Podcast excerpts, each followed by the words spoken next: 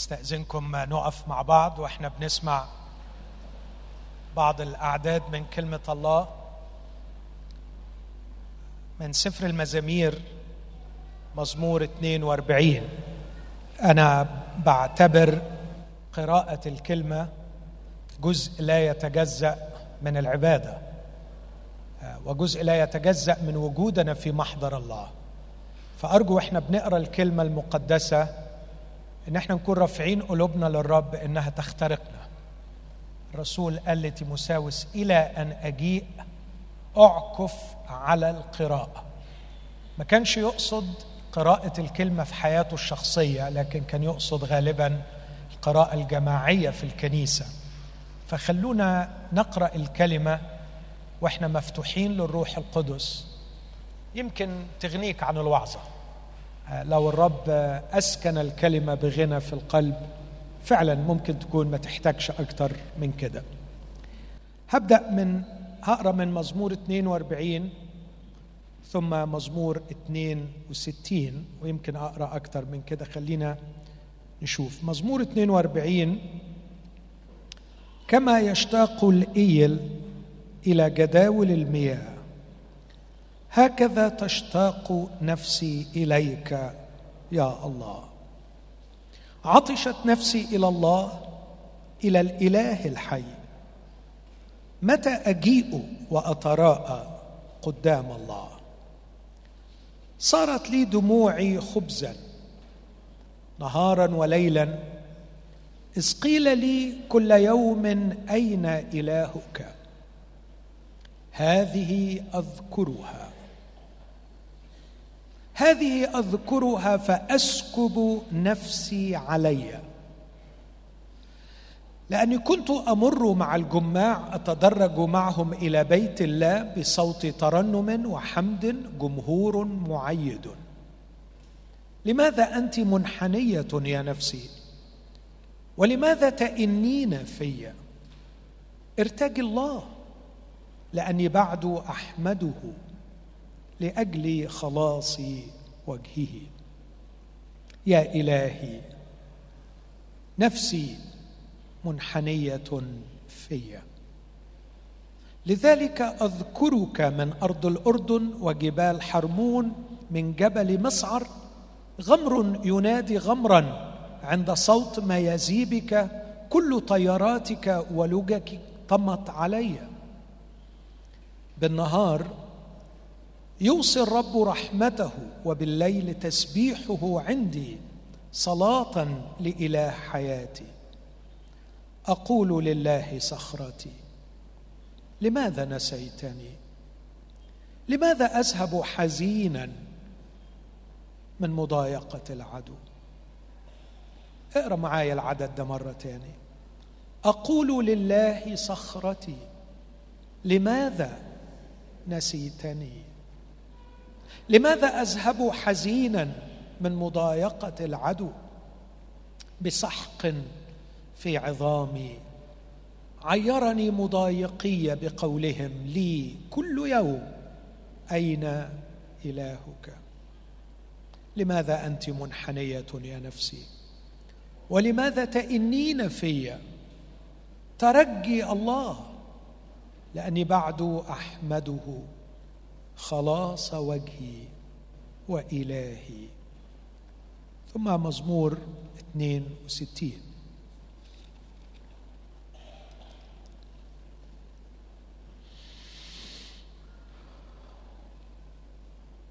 عدد خمسة. إنما لله انتظري يا نفسي لأن من قبله رجائي.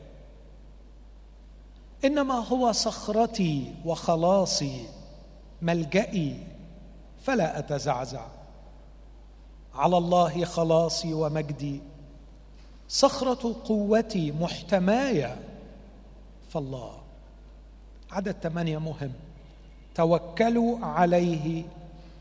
في كل حين يا قوم اسكبوا قدامه قلوبكم.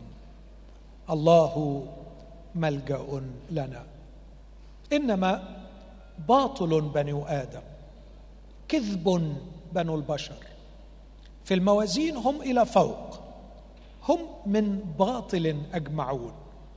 لا تتكلوا على الظلم ولا تصيروا باطلا في الخطف. إن زاد الغنى فلا تضعوا عليه قلبا. مرة واحدة تكلم الرب. وهاتين الاثنتين سمعت أن العزة لله. ولك يا رب الرحمة لأنك أنت تجازي الإنسان كعمله. هذه هي كلمة الرب. خلونا وإحنا واقفين نشكر الرب من أجلها ونطلب منه أن يسكنها بغنى في قلوبنا. أبانا هي كإحساناتك وكمراحمك. هي جديدة في كل صباح. كلما نقرأها نشبع ونبتهج بها كمن وجد غنيمة وافرة. هي أحلى من العسل وقطر الشهاد. هي نور لنا وبنورها نهتدي. بها نعيش بها نسلك بها نحفظ من الخطية. هي سراج لأرجلنا ونور لسبيلنا. انعم علينا أبانا واعطنا فهما لها وأعطها دخولا قويا لأعماقنا. مكتوب عنها دخول كلامك ينير نعم يعقل الجهال. افتح قلوبنا لها وأعطنا أن نقبلها بوداعه لأنها قادرة أن تخلص نفوسنا. تضرع إليك من أجل كل موجوع ومتألم من أجل كل أخت وكل أخ. نفسه ضاقت ولا يجد من يسمعه. أتضرع إليك من أجل الجميع أن تنعم علينا وتعطينا شفاء وعلاجا. في هذا الاجتماع. في اسم المسيح يا أبي استجب. آمين. امين تفضلوا.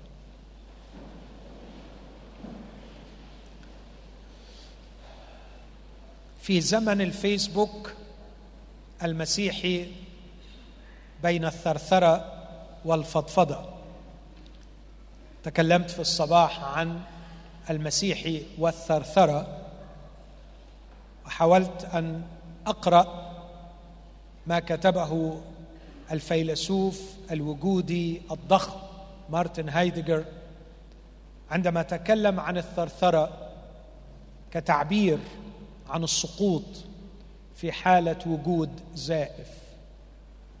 ورأيت أيضا أنه من المنظور المسيحي حالة الثرثرة التي يسقط فيها المؤمن هي تكشف عن أن أخي أختي أو عني إذا كنت أثرثر أني أعيش وجودا زائفا وليس وجودا حقيقيا. إذا عشت الوجود الحقيقي تلقائيا لن أثرثر. إذا عشت الوجود الحقيقي كما وصفته علاقة حقيقية ارتباط حميم وصيرورة مستمرة تغير في الكيان وإثمار دائم للآخرين. أعتقد أن الشخص الذي يستمتع بعلاقة محترمة شبعان بها وشخص يلحظ كل يوم أنه يتغير ويشتاق إلى مزيد من التغير فهو مهتم لا بالخارج لكن بالداخل مهتم لا بالراحة لكن بالشخصية. يريد أن يكون جميلا قويا من الداخل يتغير من مجد إلى مجد.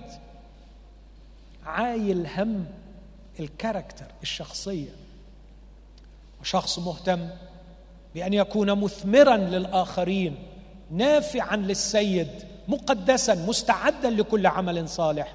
هذا الشخص تلقائيا لن يثرثر.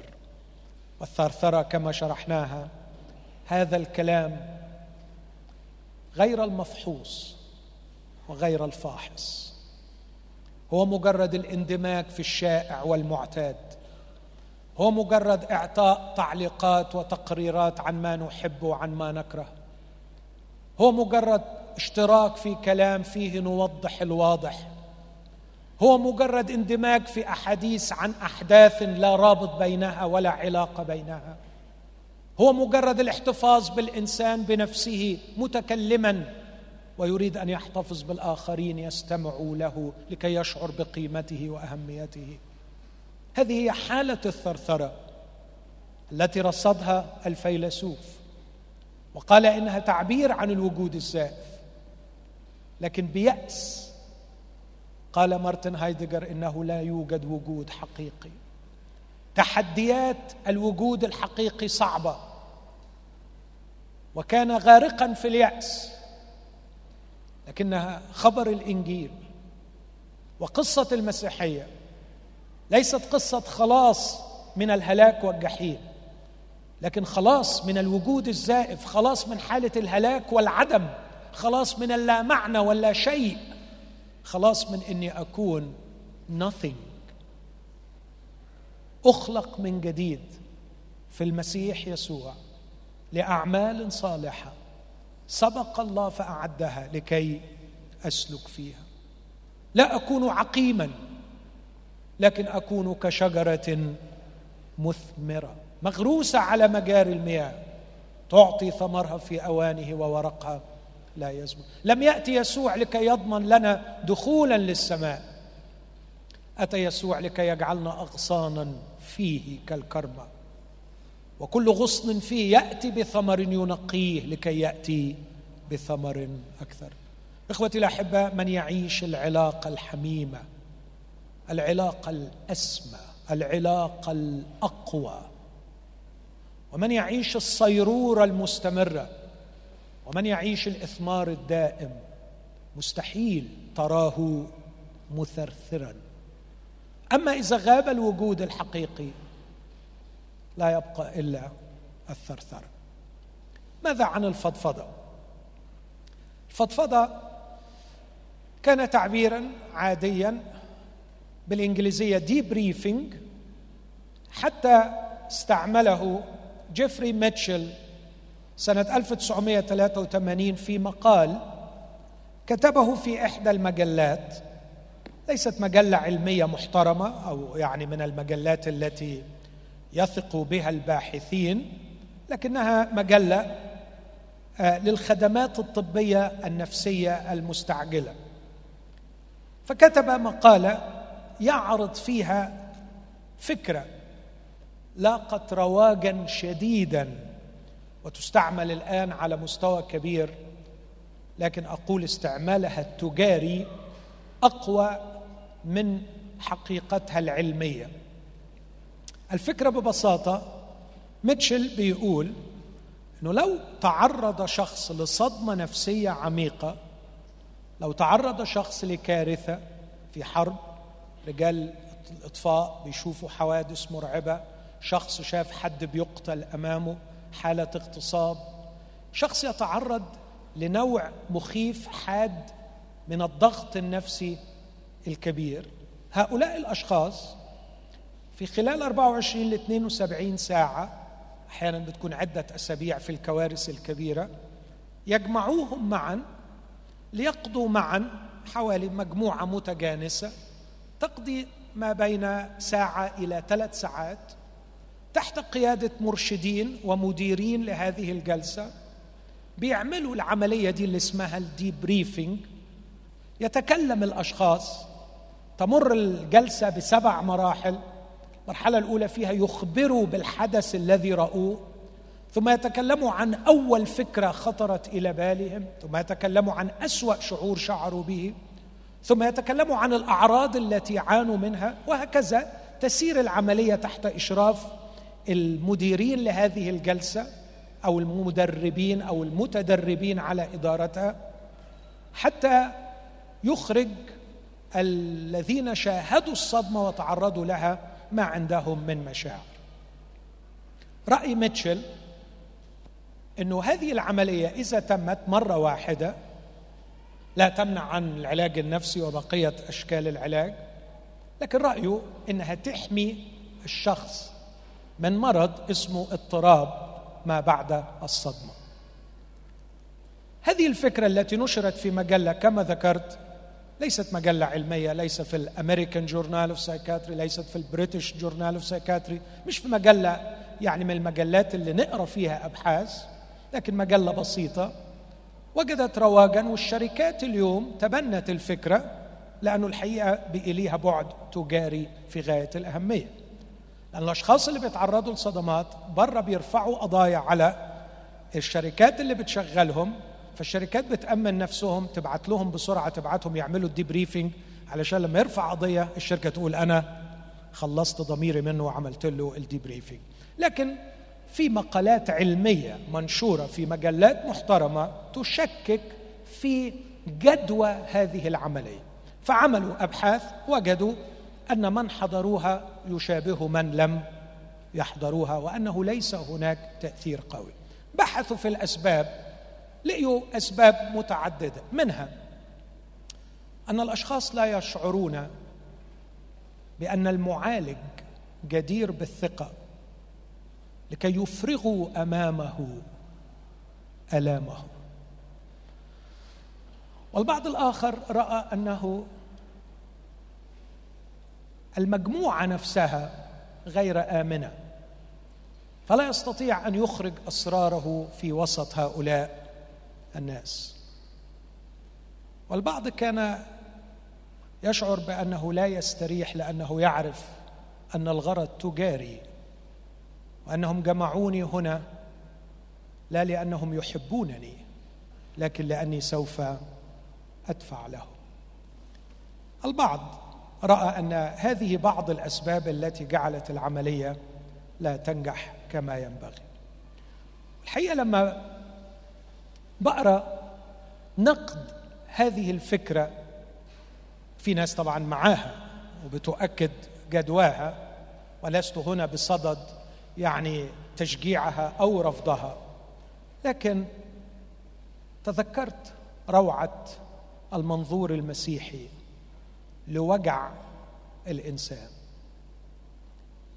وهنا أعتقد إنه لو حد بيسمعني بتدقيق ممكن يبدأ يتبادر إلى ذهنه سؤال هل نستغني بالكتاب عن العلم وابتكاراته؟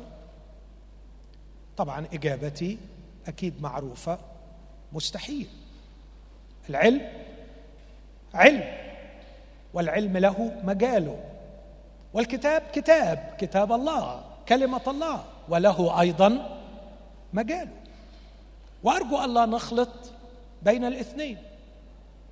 العلم له مجاله الذي نحتاج إليه بشدة والكتاب المقدس له مجاله الذي نحتاج إليه بشدة.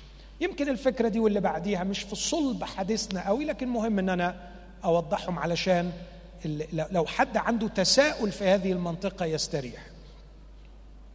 لا أقرأ الكتاب المقدس لكي أبحث عن تركيب الخلية. ولا أقرأ الكتاب المقدس لكي احدد سرعة الضوء. ولا أقرأ الكتاب المقدس لكي أعرف كيف تسير الكواكب في أفلاكها. هذا مجال العلم. ومن يريد أن يعرف هذه الأشياء عليه أن يذهب إلى العلم. وقلوبنا فعلا تشكر وتبارك الله لأجل كل عالم محترم يغنينا ويثري حياتنا بتقدم علمي حقيقي. لكن العلم نفسه يشهد أنه في منتهى العجز العجز المطلق عندما يواجه قضايا وأسئلة أخرى تختلف عن الأسئلة أو الأمثلة التي طرحتها. العلم لا يستطيع أن يجيب عن أخطر سؤال ما معنى الحياة؟ ما قيمة هذه الحياة؟ لا يستطيع أن يعطيني فكرة عن الغرض الذي خلقت من أجله. العلم لا يستطيع أن يجيبني عن أي أخلاق ينبغي أن أعيش بها. أينشتاين عظيم العلماء يقول نستطيع أن نتكلم عن أساس أخلاقي للعلم لكن لا نستطيع أن نتكلم عن أساس علمي للأخلاق. العلم لا ينفعنا عندما نبحث عن معنى الحياة عندما نبحث عن قيمة الإنسان. عندما نبحث عن الأخلاقيات التي بها نسلك عندما نبحث عن الغرض الذي من اجله نعيش عندما نحاول أن نكتشف حقيقة أنفسنا ونجد هويتنا ونعرف لماذا نحن هنا وكيف نعيش هنا ولماذا نعيش هنا. أعتقد دي أسئلة مهمة. لا تقل أهمية عن كليتي تشتغل إزاي. أو سناني لما توجعني أعمل فيها إيه. أعتقد أن الأسئلة دي أهم. والعلم يرفع الراية البيضاء ويعلن استسلامه وعجزه الكامل. ولا يوجد عالم واحد محترم يدعي أن العلم يستطيع أن يجيب عن هذه الأسئلة. لكن مع إصراري على أن للعلم مجاله وللكتاب مجاله أقول إذا كان في قضية استثنائية يلتقي فيها الاثنان فهي قضية وجع الإنسان. فحيث يوجد الوجع يدلي العلم بدلوه ويدلي الكتاب أيضا بدلوه. لكن الوجع أشكال وألوان. ودعوني أتكلم عن وجعين وجع الأسنان ووجع القلب. إذا لدي وجع أسنان ألجأ للعلم أم للكتاب؟ شكلكم مش عارفين إجابة السؤال. أقول بكل جرأة الكتاب المقدس لا يعلم أي شيء عن وجع الأسنان. ما تخافش قول كده ملهوش. الحقيقة هو مش مكتوب علشان خاطر وجع السنان. لكن إذا اتكلمت عن وجع القلب أعتقد إن الكتاب من أول صفحة لآخرها ما عندوش موضوع غير وجع القلب. بس العلم خلوني أقول لكم بكل قلبي العلم ما بيفهمش في وجع القلب. إذا كان قلبك موجوع أنت محتاج لكلمة الله. شغلتها من أول صفحة لآخرها تحكي عن وجعي الذي لا يعرف العلم عنه شيئا. سأحترم العلم وسأذهب للعلم في كل ما يقدر عليه العلم. لكن هناك أمور أخرى كثيرة. العلم لا يستطيع أن يفعل أي شيء لكن الرب وكلمته فيهم شفاء وعلاج. من هذه الأمور مسألة الفضفضة. ما هي الفضفضة؟ كما شرحتها طبقا لجيفري ميتشل إنك تطلع اللي جواك. هل الكتاب المقدس يؤكد على أهمية إن أنا أطلع اللي جوايا؟ نعم. لكن أقول الكتاب المقدس وهو يؤكد على أهمية الفضفضة اسمعني من فضلك يقدم منظور رائع عن الفضفضة لكن متميزا عن الاقتراح الذي قدمه ميتشل في ثلاث نواحي. إنه يصفها بصورة أفضل ويجعلها تتم لدى المعالج الأفضل وتتم في بيئة أفضل. هوضح الثلاث حاجات دول. يصفها بطريقة أفضل ثم يجعلها تتم عند المعالج الأفضل ويجعلها تتم في بيئة أفضل. أما الطريقة فالكتاب المقدس يستعمل كلمة أفضل من التي استعملها العلم دي بريفنج الكتاب يستعمل كلمة سكب. يا قوم أسكبوا قلوبكم قدامه واو واو. مرات كثيره ما يكفنيش افضفض أنا محتاج انسكب محتاج اكب محتاج أتكب. محتاج أنسكب. الكتاب المقدس يتكلم عشرات المرات عن الانسكاب. الانسكاب أمام الله. حابب أقرأ آية كمان من مزمور 142 لو تبصوا معايا للآية دي شوف الروعة. مزمور 142 يقول قصيدة لداود كلمة قصيدة مسخيل في العبري تعني للتعليم. يعني داود لما كتب الكلام ده مش كان بس بيسجل خبرته لكن كان عايزنا نتعلم منه. قصيدة لداود لما كان في المغارة. غالبا مغارة عدلام مطرودا من شاول مطرودا من أهله. خائفا أن يرجع. ماذا يفعل؟ بصوتي إلى الرب أصرخ. بصوتي إلى الرب أتضرع. أسكب أمامه شكواي. بضيقي قدامه. أخبر. خلونا نحفظ عدد اثنين. أسكب أمامه شكواي. بضيقي قدامه أخبر. بضيقي قدامه أخبر. تعال. ادخل مخدعك. اغلق بابك. ثق أنه حي.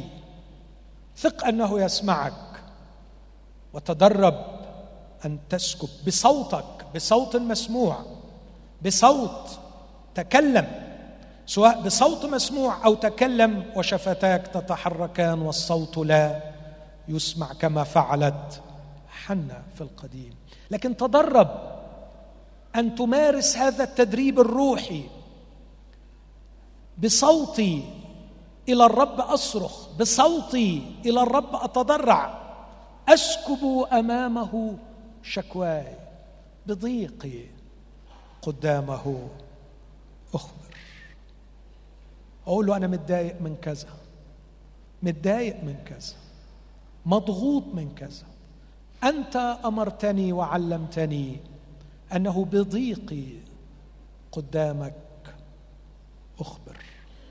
لكن مش مجرد فضفضة لكنها سكب.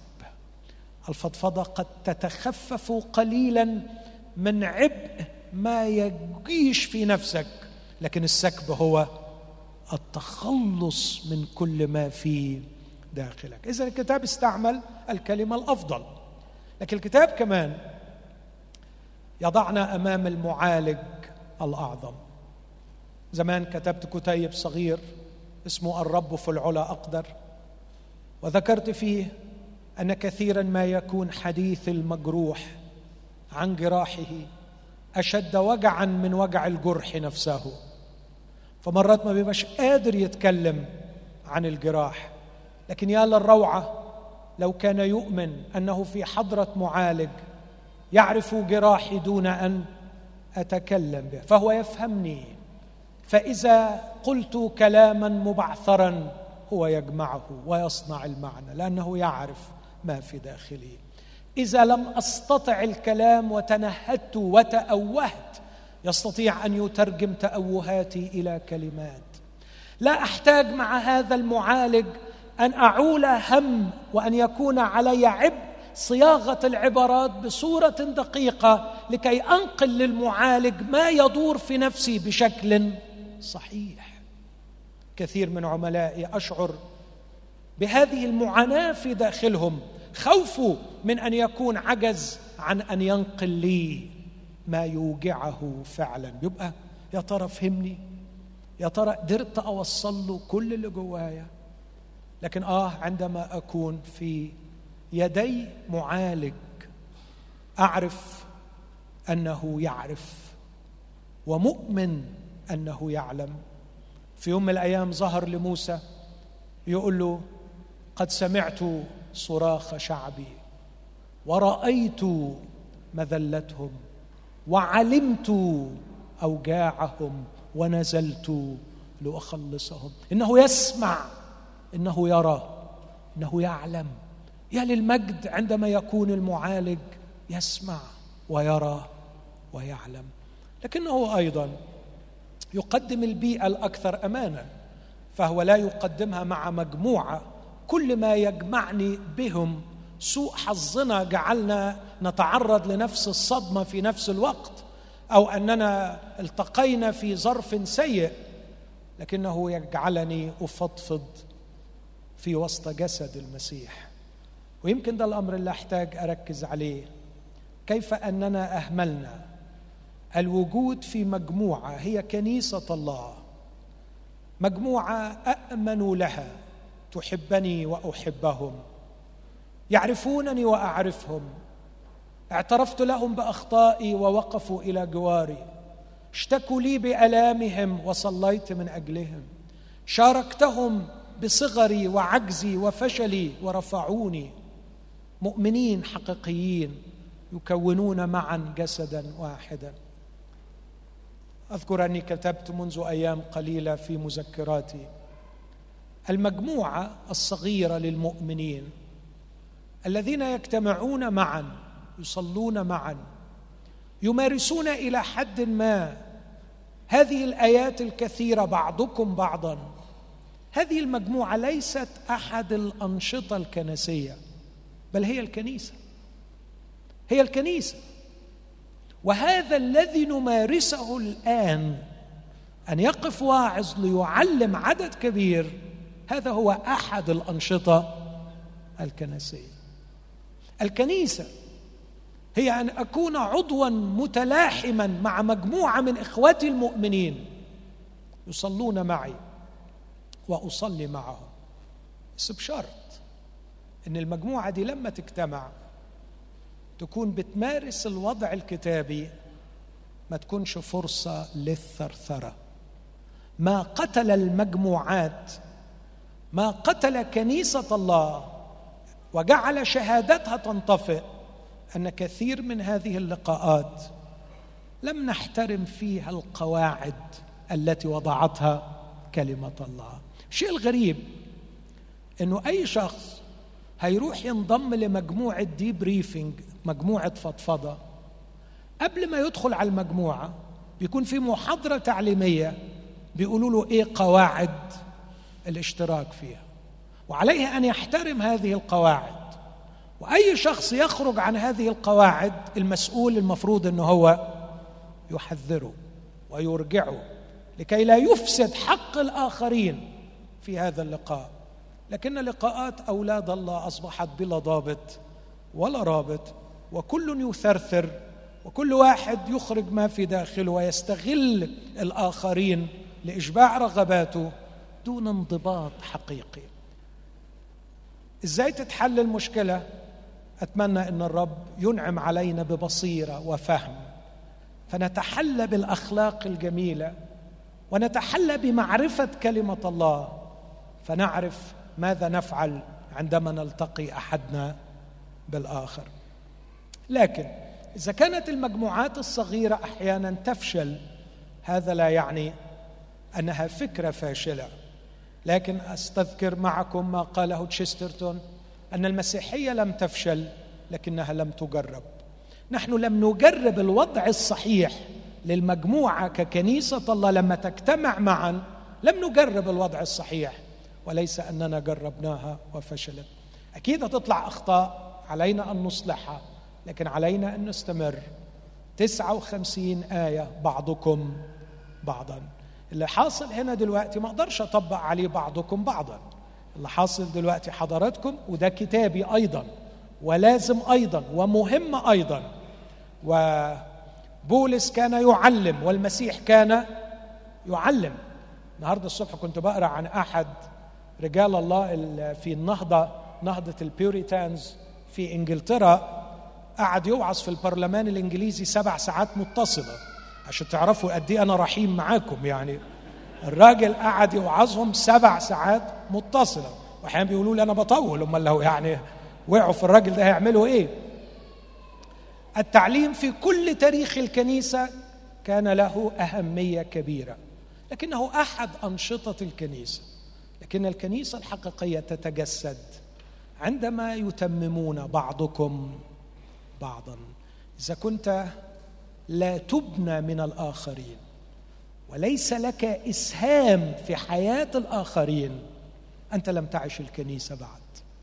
إذا كنا نيجي نترص وناخد ونروح وجوهنا ما بتبصش في بعض وما بتدخلش في علاقة حقيقية علاقة الجسد الواحد معا إحنا ما جربناش الكنيسة فما فيش داعي نتهمها بالفشل بينما هي لم تجرب. قد تكون التي فشلت هي الأنشطة الكنسية. هذا النشاط الكنسي قد فشل.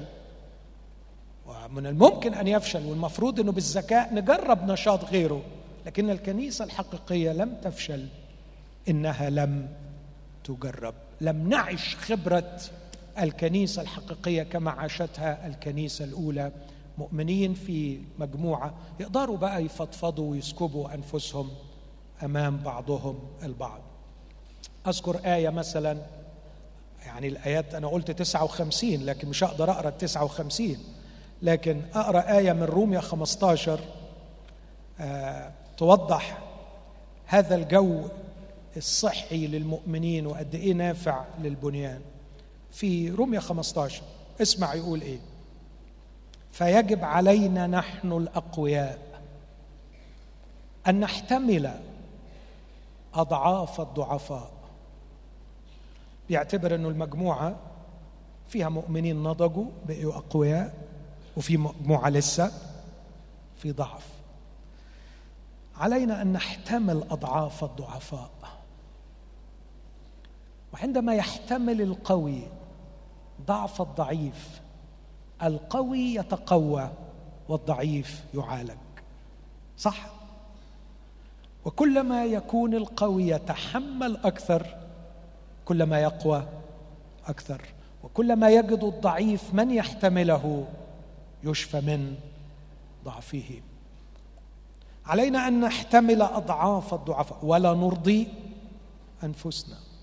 هذا عكس مجموعات الفضفضة لأنه الحقيقة وللاسف التجربة الفاشلة لبعض المجموعات إنه لما بنقعد كل واحد عايز يرضي سيبونا فضفض بقى سيبوني يعني خلوني آخد حقي وآخد عدلي. وأوعظكم وأهريكم وعظ أو أنفس عن نفسي فيكم. أنا صدقت ما لقيت حد. يسمعني اقعدوا بقى وأنا يعني بيقول في المجموعة مش المقصود إن كل واحد فينا يرضي نفسه. أمال إيه؟ فليرضي كل واحد منا قريبه للخير لأجل البنيان. سأفعل وسأقول لا ما يسعدك. سأفعل وسأقول لا ما يبسطك ما يمتعك. لكن سأرضيك فقط. لأجل الخير لأجل البنيان. اللي هعمله معاك وتعمله معايا ينبغي أن تفكر في خيري. ما هو لخيري؟ ما تقوليش إلا ما هو لخيري. وما هو لخيري علشان تبقى برضو واضح هو ما يبنيني. عشان لو سألت طب وما هو لخيري؟ إيه هو للخيري؟ اللي الخيري هو ما يبنيني. ثم يقدم المسيح كمثال. لكن بصوا كده في عدد 14 وأنا نفسي أيضا متيقن من جهتكم يا إخوتي أنكم أنتم مشحونون صلاحا العلاقة والصيرورة والإثمار. توجد الكنز الصالح فتجعل الشخص مشحون بالصلاح. ولأننا مشحونين صلاحا ومملوءون كل علم قادرون أن ينذر بعضكم بعضا. قادرين أن إحنا ننذر ونعلم بعضنا بعض. هي دي الكنيسة. ده مجرد مثال. لما يقول في غلاطيا ستة احملوا بعضكم أثقال بعض. لما يتكلم في غلاطيا أيضا اخدموا بعضكم بعضا. لما المسيح يقول اغسلوا بعضكم أرجل بعض أي ارفعوا العوائق عن الشركة مع الرب أو مع المؤمنين. إذا الفضفضة لازمة للغاية. لكن الكتاب يعطيها الطريقة الأفضل لدى المعالج الأفضل وفي الوسط الأفضل. الطريقة الأفضل هي السكب والمعالج الأفضل هو الرب والوسط الأفضل هو كنيسة المسيح. الطريقة الأفضل أنا ما أقدرش أعملها لك لكن لازم تتدرب عليها. ولازم تتدرب عليها مش بس في الكوارث وعند الظروف الصعبة لكن لازم كل يوم تاخد وقت مع الرب تتعلم تسكب فيه نفسك. اصمت اصمت. قديس أغسطينوس سنة 397 ميلادية كتب كتاب الاعترافات. وفي هذا الكتاب يقول هذا العتاب لكل مؤمن. كيف تريد أن تقترب إلى الله وأنت بعيد عن نفسك؟ فكر في العبارة دي. كيف تريد أن تقترب إلى الله وأنت بعيد عن أحد؟ اهدى اقفل التليفون. اركح. عارفين اركح دي منياوي شوية اركح. اهدى. وقف النار المشعللة اللي هنا دي. هديها. ركز. اقعد كده شوف نفسك تكلم ربنا في إيه. اكتب. قول له عايز اتكلم معاك في كذا وفي كذا وفي كذا. وابدأ اتدرب انك تتكلم معاه. لم تمارس هذا التدريب. المفروض انك كل يوم بتمارسه. وكل يوم بتمارسه أكتر من مرة. وبعدين تحصل المصيبة وعايز أقعد قدام ربنا وأتكلم ألاقي روحي؟ طبعا مش عارف. وملخوم ومكتئب منحني لأني لم أتعود أن أمارس سكب النفس. يا قوم يا قوم اسكبوا قلوبكم قدام. بضيقي قدامه أخبر. هل لنا هذه العادة؟ يعني النهارده للأسف بقيت عادة إنك تدخل على الفيسبوك مرة واثنين وثلاثة وعشرة في اليوم. صح؟ وتشوف إيه آخر الأخبار. و99% منه خدمة الصبح ما عملتش أي فايدة. 99% من اللي على الفيسبوك. 99% من على الفيسبوك هو ثرثرة. أنت تثرثر وتطلع على ثرثرة الآخرين. وأصبحنا نعيش في عالم من الثرثرة. خف شوية الثرثرة. واقفل كل حاجة. واخبر بضيقك قدام الرب. أنا لا أتخيل إني أقدر أثق في أي شخص لا يقف أمام الله طويلا. الشخص اللي ما بيقعدش قدام ربنا أنا شخصيا لا أستطيع أن أثق فيه. ما تطمنلوش. ما تطمنلوش. مهما كان علمه مهما كانت حكمته لا أطمئن قط لشخص لا يقضي وقتا أمام الله. طبعا هتسألني سؤال أنت إزاي تعرف؟ هقول لك إذا دخلت لمحضر الله لن يكون من العسير ابدا أن تميز من يقفون في محضر الله. فإذا حابب تميز مين اللي بيقف في محضر الله ومين اللي ما بيقفش تفضل حضرتك روح. ادخل لمحضر الله. وهتعرف بعد كده لما تسمع الكلام إذا كان الكلام ده جاي من محضر الله أم يتكلم الإنسان من نفسه؟ ادخل محضر الله. قال الرب على فم إرميا لم أرسل الأنبياء بل هم جروا. هم جروا ليخبروا شعبي بأحلامهم. وبرؤى قلبهم ولو كانوا وقفوا في مجلسي لاخبروا شعبي بكلامي. كان الرب ينتظرهم أن يأتوا ويقفوا أمامه لكي يخبروا شعبه بكلامه لكنهم لم يقفوا. مستعجلين أنشطة كتير والجري كتير والكلام بقى كتير معروف. نقرأ كتب كتير وبندخل على النت وبنعرف حاجات كتير وبقى عندي معلومتين عايز أقولهم. وثرثر بيهم يلا يلا طنطن طنطن وطشطش وطرطش واعمل دوشة دون وقوف في محضر الله. هذا من جهة الطريقة. السكب لن يأتي في يوم وليلة لكن ينبغي أن نتعود عليه. أما من جهة المعالج الأعظم مش محتاج وقت علشان اقنعك إنه هو فعلا حقيقي وبيسمع. هل هو خيال؟ هل هو فكرة؟ هل هو عقيدة؟ هل إذا دخلت مخدعي وأغلقت بابي فعلا هيكون في حد مستنيني هيسمعني؟ ولا أنا بكلم روحي؟ بصوا أحبائي لما هتقفل على روحك الباب أو هتقعد تتكلم معاه صدقني هو ما فيش غير احتمال من اتنين. يا هو حقيقه وحي وسمعك يا هو مش موجود. مفيش حاجة من بين الاثنين يعني إيه اللي بين الاثنين يعني يكون حقيقه وحي بس واخد أجازة؟ حقيقه وحي بس نايم؟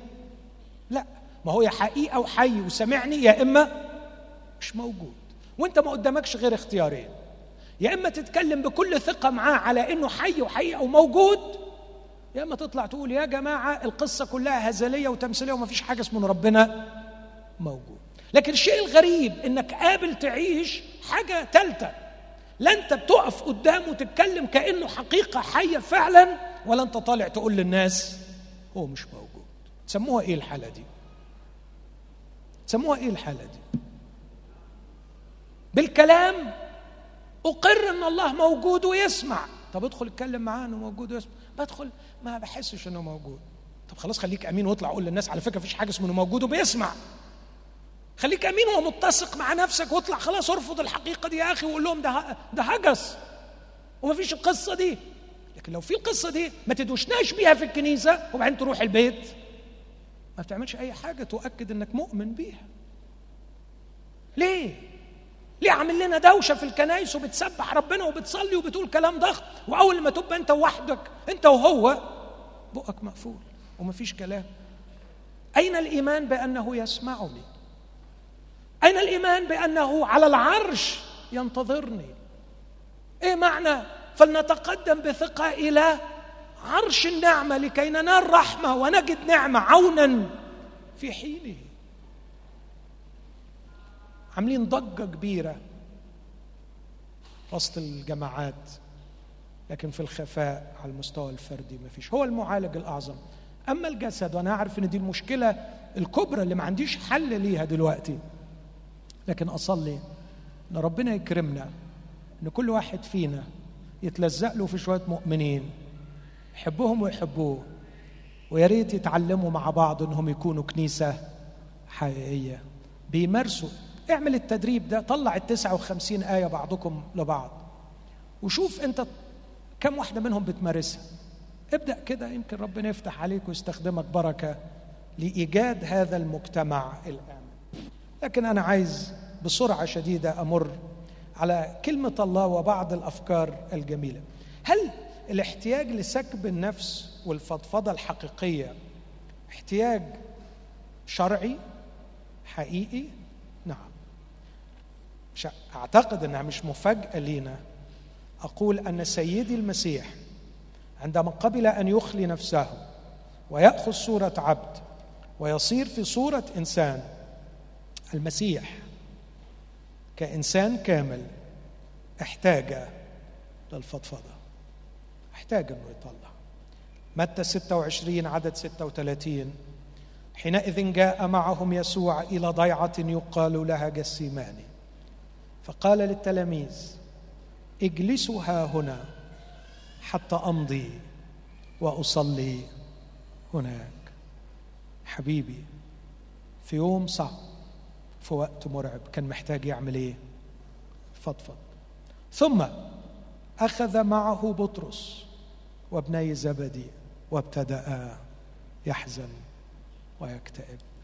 محتاج أصدقاء.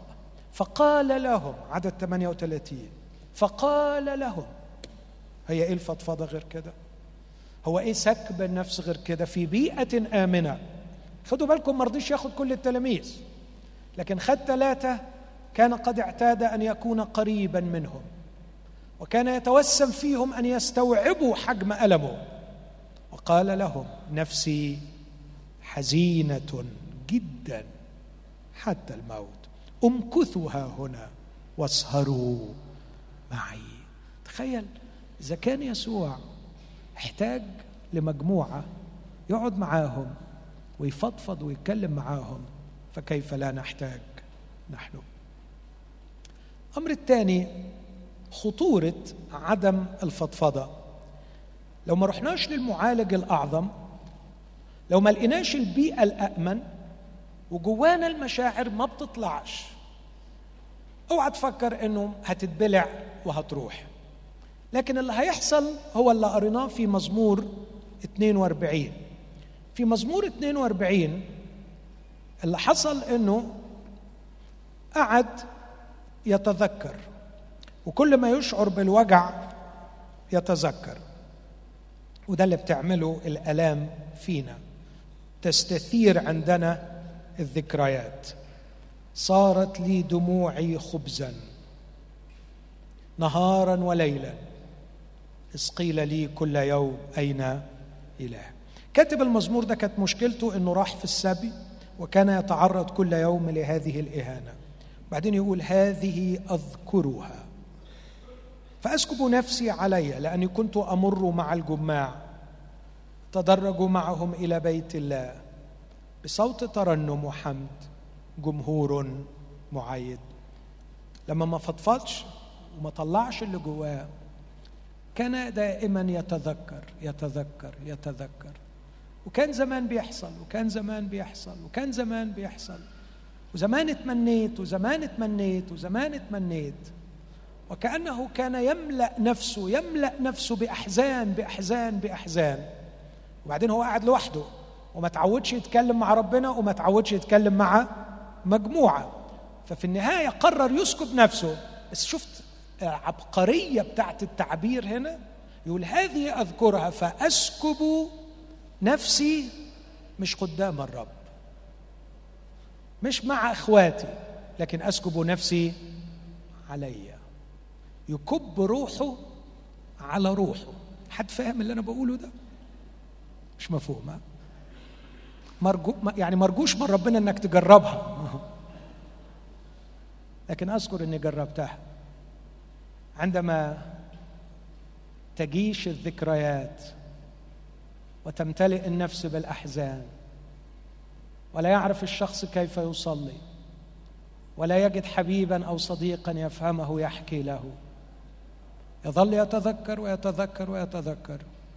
وفي وحدة قاتلة يجد نفسه يسكب نفسه على نفسه. وعندما يسكب الشخص نفسه على نفسه يحدث شيء خطير. هو قاله لماذا أنت منحنية يا نفسي؟ عندما نسكب نفوسنا على نفوسنا لن يتبقى لنا إلا الانحناء. لكن هذا الشخص بعد أن انحنت نفسه عرف طريقه إلى المعالج الحقيقي. فاستوقف نفسه أمامه وقال له لماذا أنت منحنية يا نفسي؟ إنه سؤال هو يعرف إجابته. لماذا أنت منحنية؟ لأنك لم تسكبي نفسك أمام الرب. وظللت مجرد تتذكرين وتتذكرين وتنوحين وتنوحين حتى جاشت نفسك بفيضان الهموم والأحزان فسكبت نفسك على نفسك فانحنيتي. قومي غيري الأسلوب ده. قومي. هو بيقول لنفسه قومي. قومي اعملي إيه؟ ترجي الرب. قومي ترجي الرب. قومي اقعدي معاه. قومي حكي معاه. قومي حكي معاه. أتذكر أخي الحبيب الراحل دكتور مجدي في يوم من الأيام حكى لي الحكاية دي.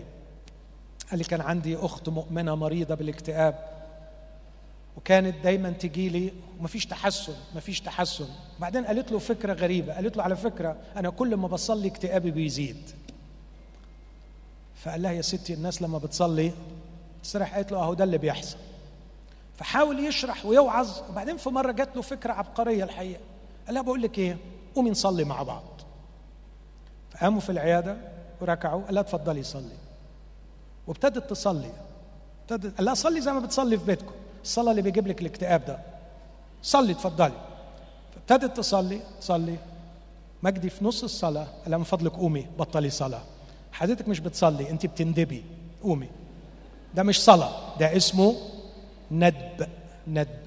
لقد استشعر بروحه أنها لم تلتقي بالله لكنها تلتقي بنفسها. لا تتحدث إلى إله هي تؤمن إنه حي وقادر يسمعها لكن في فرصة الصلاة إنها تستعيد أحزانها وتستعيد ألامها لكنها ليست بين يدي محب عظيم تفرج شكواها قدام بضيقي قدامه أخبر أسكب شكواي أمام الرب. هذا ما لم تفعله حنة. حنة كانت لديها مشكلة. عارفين حنة؟ في صموئيل الأول الأصحاح الأول كانت لديها مشكلة. وأعتقد أنها مشكلة موجعة. توجع أي امرأة. لا الحقيقة ما كانش عندها مشكلة. كان عندها مشكلتين. لا الحقيقة كان عندها ثلاثة. كان عندها مشكلة العقم مش بتخلف. وكان عندها مشكلة ضرة بتغيظها وكان عندها مشكلة جوز مش فاهمها. ودول ثلاثة لما يجتمعوا على واحدة يعني تبقى قضية مش سهلة. حنا كانت تعاني نفسها في ولد.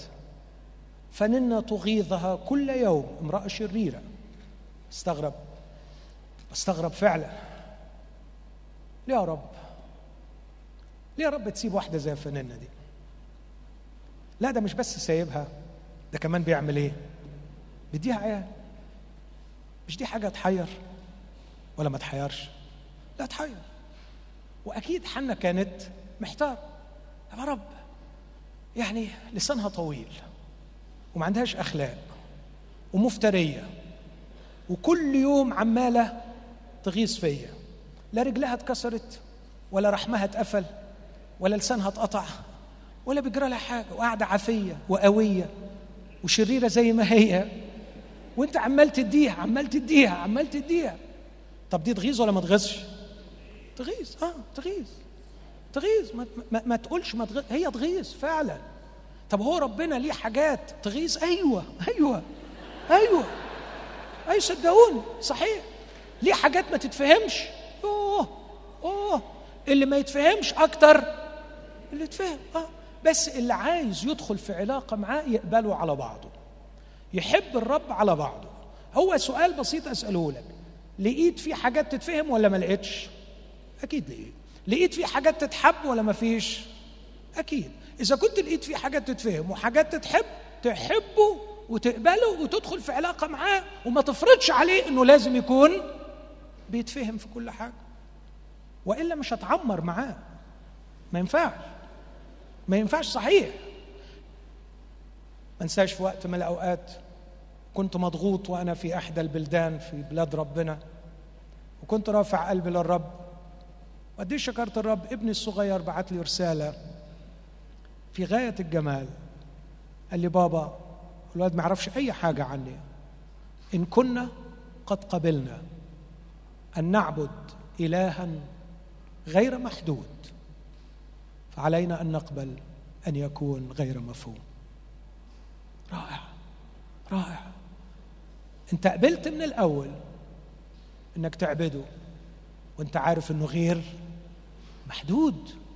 إذا كنت قبلت تعبد إله غير محدود لازم تقبل إنه يكون غير مفهوم. لأنه لاحظ التناقض لو أصريت على إنه يكون مفهوم فهو أكيد محدود. يبقى أنت متناقض مع نفسك. إذا قبلت من الأول إنه غير محدود لازم تقبل إنه يكون غير مفهوم. وإذا كنت رافض إنه يكون غير مفهوم نصيحتي دور لك على إله محدود. دور لك على إله محدود. وإذا عبدت إله محدود فأنت عابد وثن للأسف الشديد لأن الرب الإله الوحيد هو إله غير محدود. لكن الست دي مش بس مشكلة فننا ومشكلة العقل الراجل ألقانا كلي الأسلوب المصري حد زعلان نعمل له إيه؟ نوكله. كلي كلي لماذا يا حنا لماذا يا حنا تكتئبين؟ ولماذا لا تأكلين؟ وبعدين صعبت عليه نفسه هو كمان. أما أنا خير لك من عشرة بنين وأنا مش أحسن من العيال كلها اللي في الدنيا وأنا مش زي السبعة هو مالي عليك البيت وداخل وطالع يعني يعني إيه إيه ناقصك يعني؟ ما أنا ما أنا هو يعني. لم يفهمها. لكن أعتقد دي كانت القشة التي قسمت ظهر البعير.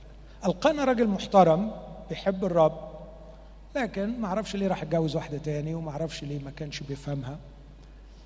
ف هو بيعزها بس ما يعرفش يعالجها مش فاهم بلوتها. بس كان يعني اكتشافها إنه حتى ألقانا مش فاهمها. هو الأمر اللي دفعها إنها تاخد بعضها وتروح للمكان الصح وللشخص الصح. فذهبت إلى الرب. عقبال عندك. فذهبت إلى الرب. من قلبي بتمناها لك. الزيارة دي إن شاء الله تقوم بيها النهارده. قول أمين. روح له. قامت حنة وهي مرة النفس. فصلت إلى الرب وبكت بكاء ونذرت نذرا قعدت تحكي معاه. وأنا أعتقد أنه في هذا المكان شرحت في مرة إيه الفرق بين أنك تقعد تكتر أحزانك وأنك تشارك الرب بألامك تسكب نفسك أمام الرب. لما راحت له بدأت تحكي له وهي مرة النفس. ده اللي بيقول صلت إلى الرب وبكت بكاء. بعدين يقول ونذرت نذرا. بين الصلوة والبكاء والنذر في حاجة حصلت. إيه اللي خلاها نذرت النذر هي لما قعدت تصلي تصرخ. أتخيل إن الرب بيسمعها بكل حنان. مالك يا حنا أديك شايف وأديك عارف. وبعدين الموضوع ما يكلفكش أي حاجة. الراجل ما فيهوش عيب لأنه كل شوية عمال يجيب عيل من الست الشريرة دي اللي اسمها فنان فالعيب فيا يعني فأنت يعني اعمل المعجزة. واديني زرع بشر أنا محتاج عيل عيل عيل يدخل ويطلع عليا. بس عيل يعمل لي دوشة في البيت كده يفرحني. صار يا حنا إن المشكلة اللي أنت بتعاني منها أنا برضو بعاني منها. أنت؟ أنت؟ أنت ما عندكش عيل؟ لا صدقيني ما عندي عيل وبدور على عيل. ليا سنين يا حنا مش لاقي. بجد يا رب حقيقي أنت ما عندكش عيل؟ قال لا صدقيني. بيتي مليان رجالة ولا واحد بيخدمني. عالي نعسان وحفني وفنحاس بيعملوا من أجل أنفسهم. وليا سنين مستني لي حتة عيل يخدمني. مش لاقي. خلاص يا رب مشكلة اتحلت. اديني الولد وأنا اديهولك. وعد ندر مش هتأخر عنه. بكت صلت. شرحت مشكلتها راح الرب شرح لها مشكلته. أهو ده اللي بيحصل في جلسات سكب النفس الحقيقي أمام الرب. ليس إني فقط أخبر الرب بشكواي لكن الرب نفسه يخبرني بشكواه وتخيل الصداقة بقى تخيل الصداقة والحلاوة. لما هو يفتح لها قلبه ويقول لها أنا محتاج عيل أنا محتاج ولد يخدمني. وكتاب يقول أؤتمن الصبي صموئيل. تخيلوا أؤتمن الصبي صموئيل نبيا للرب. وعاد الرب يتراءى في شيلوه لأن الرب استعلن لمين؟ لصموئيل وهو صبي صغير. واتحلت مشكلة شعب بأكمله بسبب امرأة سكبت. لكن هي شرحت اللي حصل لها لعالي. بتقول لعالي هذه الكلمات إذ كانت أكثرت الصلاة وعالي يلاحظ فيها حنة كانت تتكلم في قلبها وشفتاها فقط تتحركان وصوتها لم يسمع أن عالي ظنها سكرة. قال لها حتى متى تسكرين؟ انزعي خمرك عنك. أجابت حنة وقالت لا يا سيدي إني امرأة حزينة الروح لم أشرب خمرا ولا مسكرا بل أسكب نفسي أمام الرب. في مراثي اثنين وعدد 12 يقول عن الأطفال يسكبوا أنفسهم في أحضان أمهاتهم. أطفال جيعانين يسكبوا نفسهم في أحضان أمهاتهم أمهاتهم مش عارفة تعمل حاجة. أيوب سكب نفسه في حضن أصحابه للأسف الشديد ادوله على دماغه. نحتاج أن نتدرب لأنه لا مفر من سكب النفس أمام الرب. آه بص أخويا الحبيب التعليم مهم. كنيسة مهمة الخدمة مهمة. كل اللي انت بتفكر فيه من أنشطة روحية مسيحية مهمة. بس صدقني وخدها نصيحة بدون التدرب على سكب النفس أمام الرب والانفراد بالله يوميا والجلوس معه مختلين به حتى كل الأنشطة دي لن تجدي نفعا. اللقاء الفردي مع الله والتدرب على سكب النفس أمامه. هو الذي يضع الأساس لنجاح كل الأنشطة الروحية الأخرى. وأنا أدعوك أن تخاف معي. خاف. خاف من شخص لا يدخل إلى محضر الله. خاف من صداقة شخص لا يقف أمام الله. خاف من الاستماع إلى شخص لا يعرف كيف يجلس أمام الله. النجاح الساحق للفضفضة الكتابية وهذا ما أختم به. في رسالة فيليبي في كلام كتير كنت مجهزه لكن علشان الوقت. في رسالة فيليبي أصحاح أربعة واضح إن كان في مؤمنين فقراء عندهم فقر شديد. وأنا بالمناسبة نفسي النهارده وإحنا بنختم نصلي من أجل ظروف البلد الاقتصادية.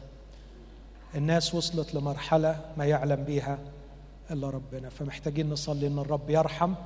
أنا متأكد إنه هيحقق خير من وراء الفقر ده لكن على الأقل نطلب الرحمة من الرب كما علمنا.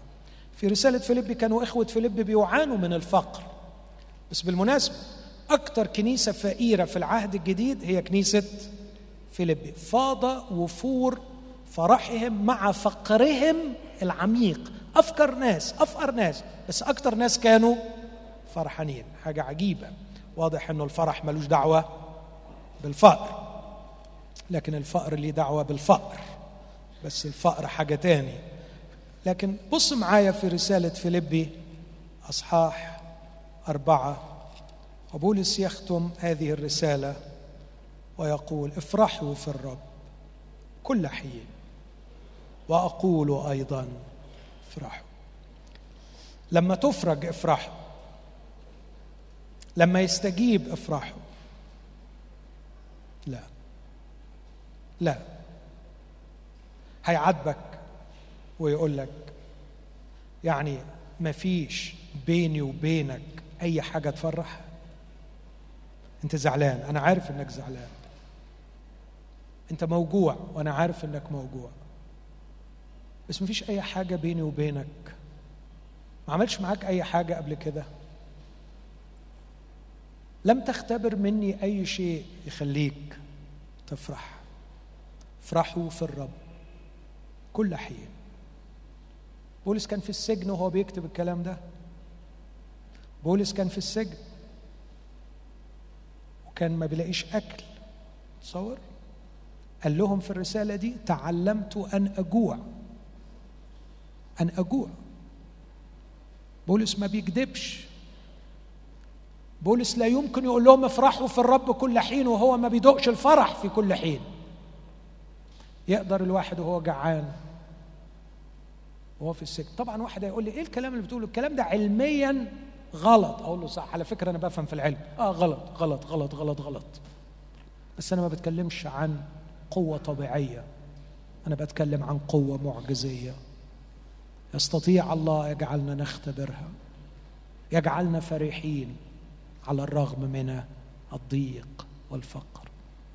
إذا كنت تريد أن تقيس الأمور بالشكل الطبيعي أنا معاك بقلبي بالباع والدراع. الكلام ده مستحيل. لكن إذا كنت تؤمن بإله فوق طبيعي يستطيع أن يصنع فينا ومعنا ما هو فوق طبيعي ممكن يخليني أفرح في كل حين لا لا لا هو يشيل الوجع فافرح. طب ما بقي الطبيعي. صح؟ هقول تاني. يشيل الوجع عشان أفرح. طب ما بقيت؟ طب واحد كان موجوع والوجع راح. المفروض يعمل إيه؟ طبيعي ولا مش طبيعي؟ لو ما فرحش بقى يبقى عايز علاج نفسي. يبقى حالته بقى. لكن هو الطبيعي إنه يفرح. لكن إذا استطاع الله أن يجعلني أفرح رغم الضيق هذا ما هو فوق طبيعي.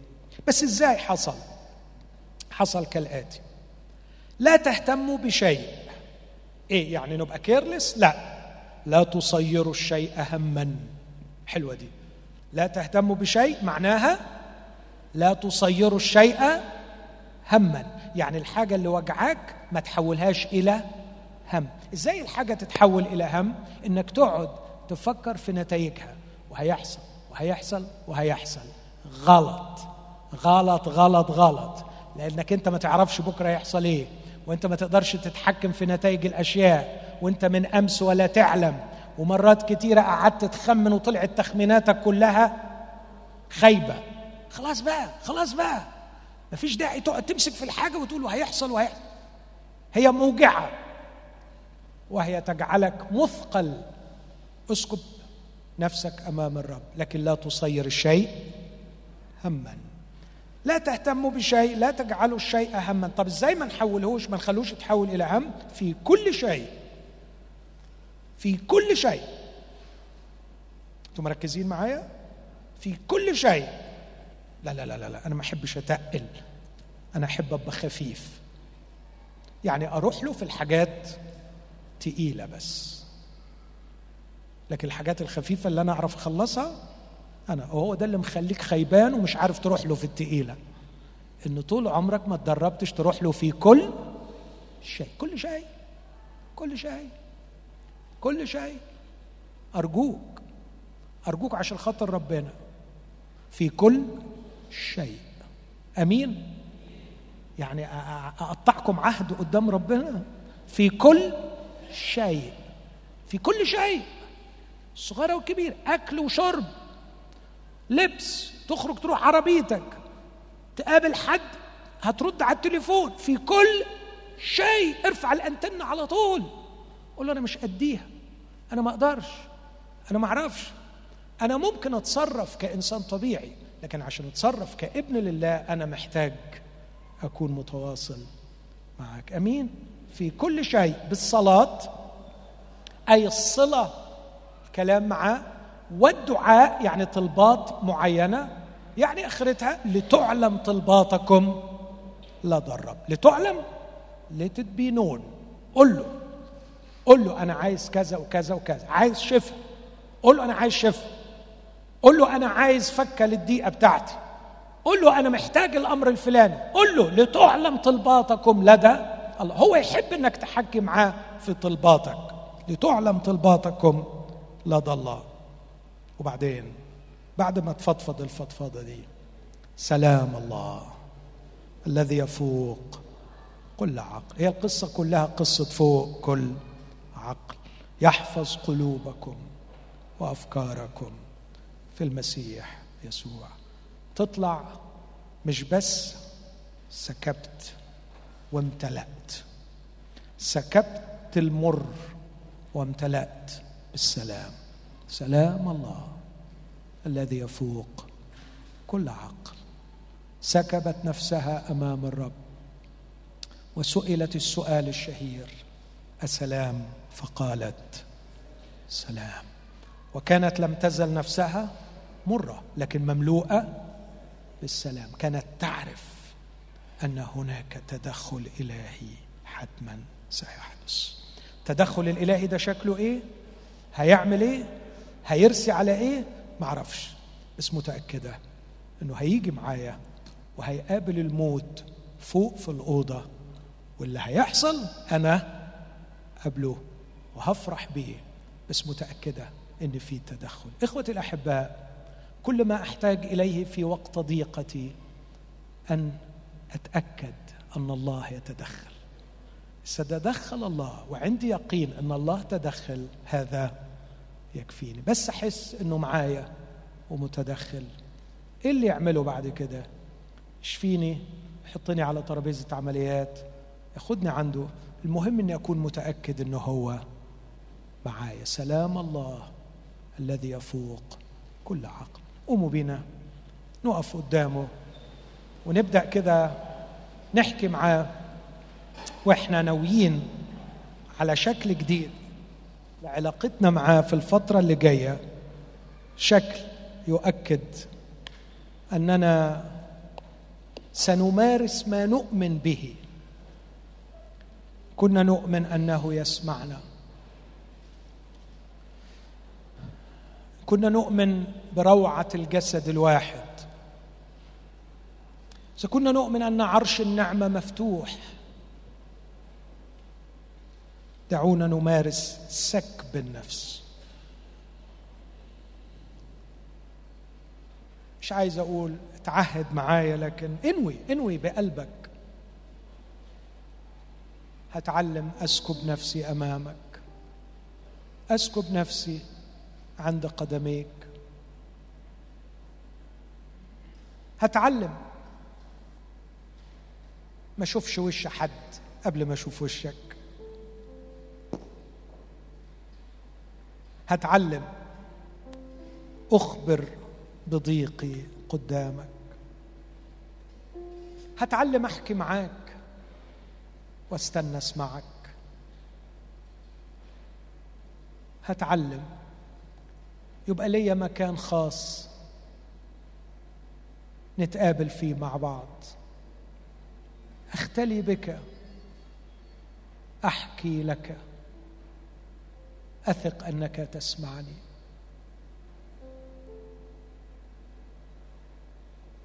لن أكون كأجير أو كعبد فيما بعد. يقف في الخارج. يكتر الامه واحلامه يمتلئ بالحسد والضيق والألم. وهو يقف على باب سيده الغني.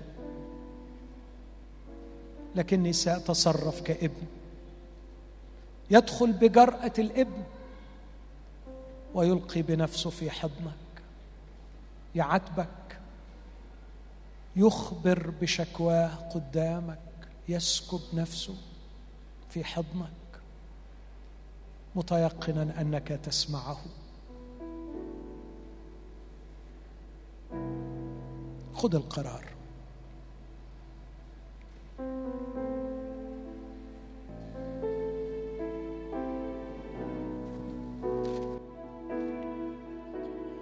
خذني ربي في حماك أجد ستري في دماء راحتي عند صليبك يا قدوس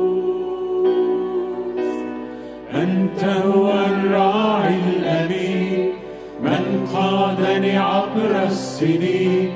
على كفيك نقشتني يا قدوس. منيتي ربي وشهوتي أن تتغير صورتي لأحيا حياتي بشبهك يا قدوس. اختل لي قلبي العنيد فهو العائق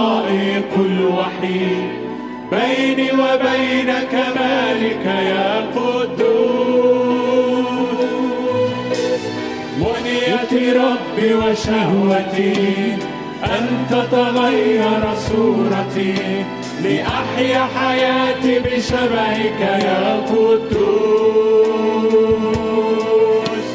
اختل لي قلبي العنيد فهو العائق الوحيد بيني وبين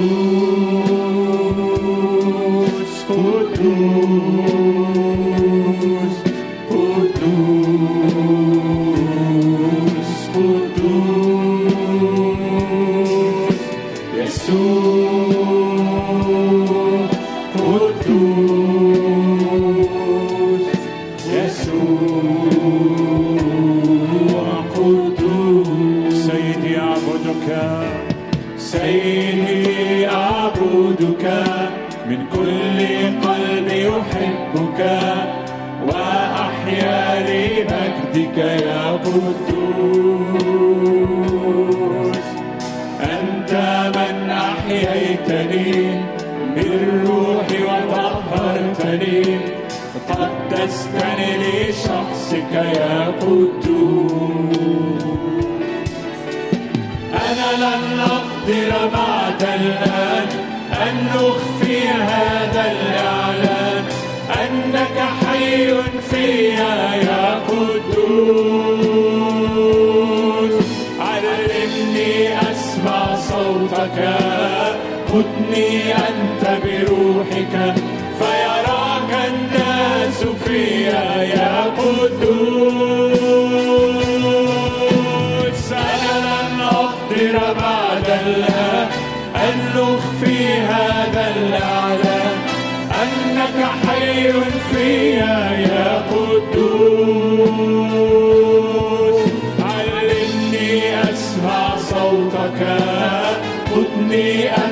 بروحك فيراك الناس فيا يا قدوس. ربي وشهوتي أن تتغير صورتي لأحيا حياتي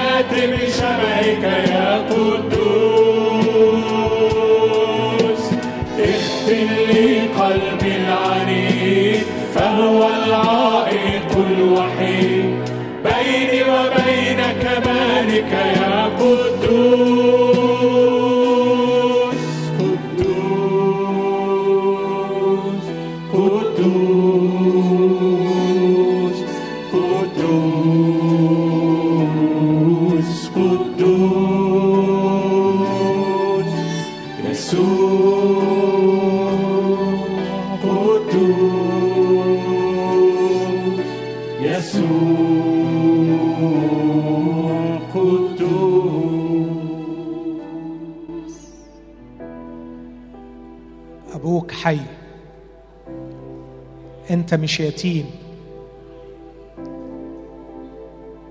ردد لنفسك أنا مش يتيم. ابويا حي ابويا حي. أبويا أقدر أقابله في كل مكان وفي كل وقت. أنا أقدر أستغني بيك. عن كل حرمان. انت تعرف تعوضني. انت تقدر تحاوطني. انت تقدر تكون حكمتي. لما يتركني كل مرشد وناصح. لما تختلط الطرق عليا انت تقدر تمد ذراعك القديرة في أصعب ضيقه تشق بحر. وتطفي أتون وتسد أفواه أسود. أنا أؤمن بيك يا أبويا أؤمن بيك. أنا غلاوتي ما قلتش وأنت قدرتك ما اتغيرتش أنت أبويا بكل غناك وقدرتك وأنا ابنك بكل غلاوتي على قلبك. أنا بحبك. وانت بتحبني. خليني دايما أتذكر إنك وعدتني إن مفيش شيء يفصلني عنك. لا أمور حاضرة ولا أمور مستقبلة ولا خليقة أخرى لا جوع ولا اضطهاد ولا عري ولا خطر ولا سيف. سامحني. سامحني لأني عشت الأيام اللي فاتت وكأني وحدي. وكأني ماليش أب يعتني بي سامحني يا رب يسوع. لأني ما صدقتكش. لما قلت لي أبوكم يعلم احتياجكم. قبل أن تسألوا. أبوكم يعتني بكم. ذكرني يا أبي. ذكرني بعتابك. لما قلت لخليلك هل يستحيل على الرب شيء؟ لما قلت لموسى هل تقصر يد الرب؟ ذكرني. ذكرني بشهادة أيوب بعد كل اللي شافه. وهو بيقول لك علمت أنك تستطيع كل شيء. لا يعصر عليك أمر. أنا النهارده مش طالب منك حل المشكلة لكن طالب حل المشكلة الأكبر عدم ثقتي فيك عدم قربي منك. علمني اترمي في حضنك علمني أدخل حضرتك. علمني أقف كتير قدامك. دربني من النهارده. اسكب شكواي قدامك. نفسي مع الأيام أبقى رجل المخدع رجل الصلاة. اللي بيعرف يقضي قدامك وقت. اللي بيعرف يكون قدامك طول الوقت. أبي هذه صلاتي من أجل نفسي. أرحم عبدك وارحم إخوتي. لأجل حبيبنا يسوع استجب لنا. آمين.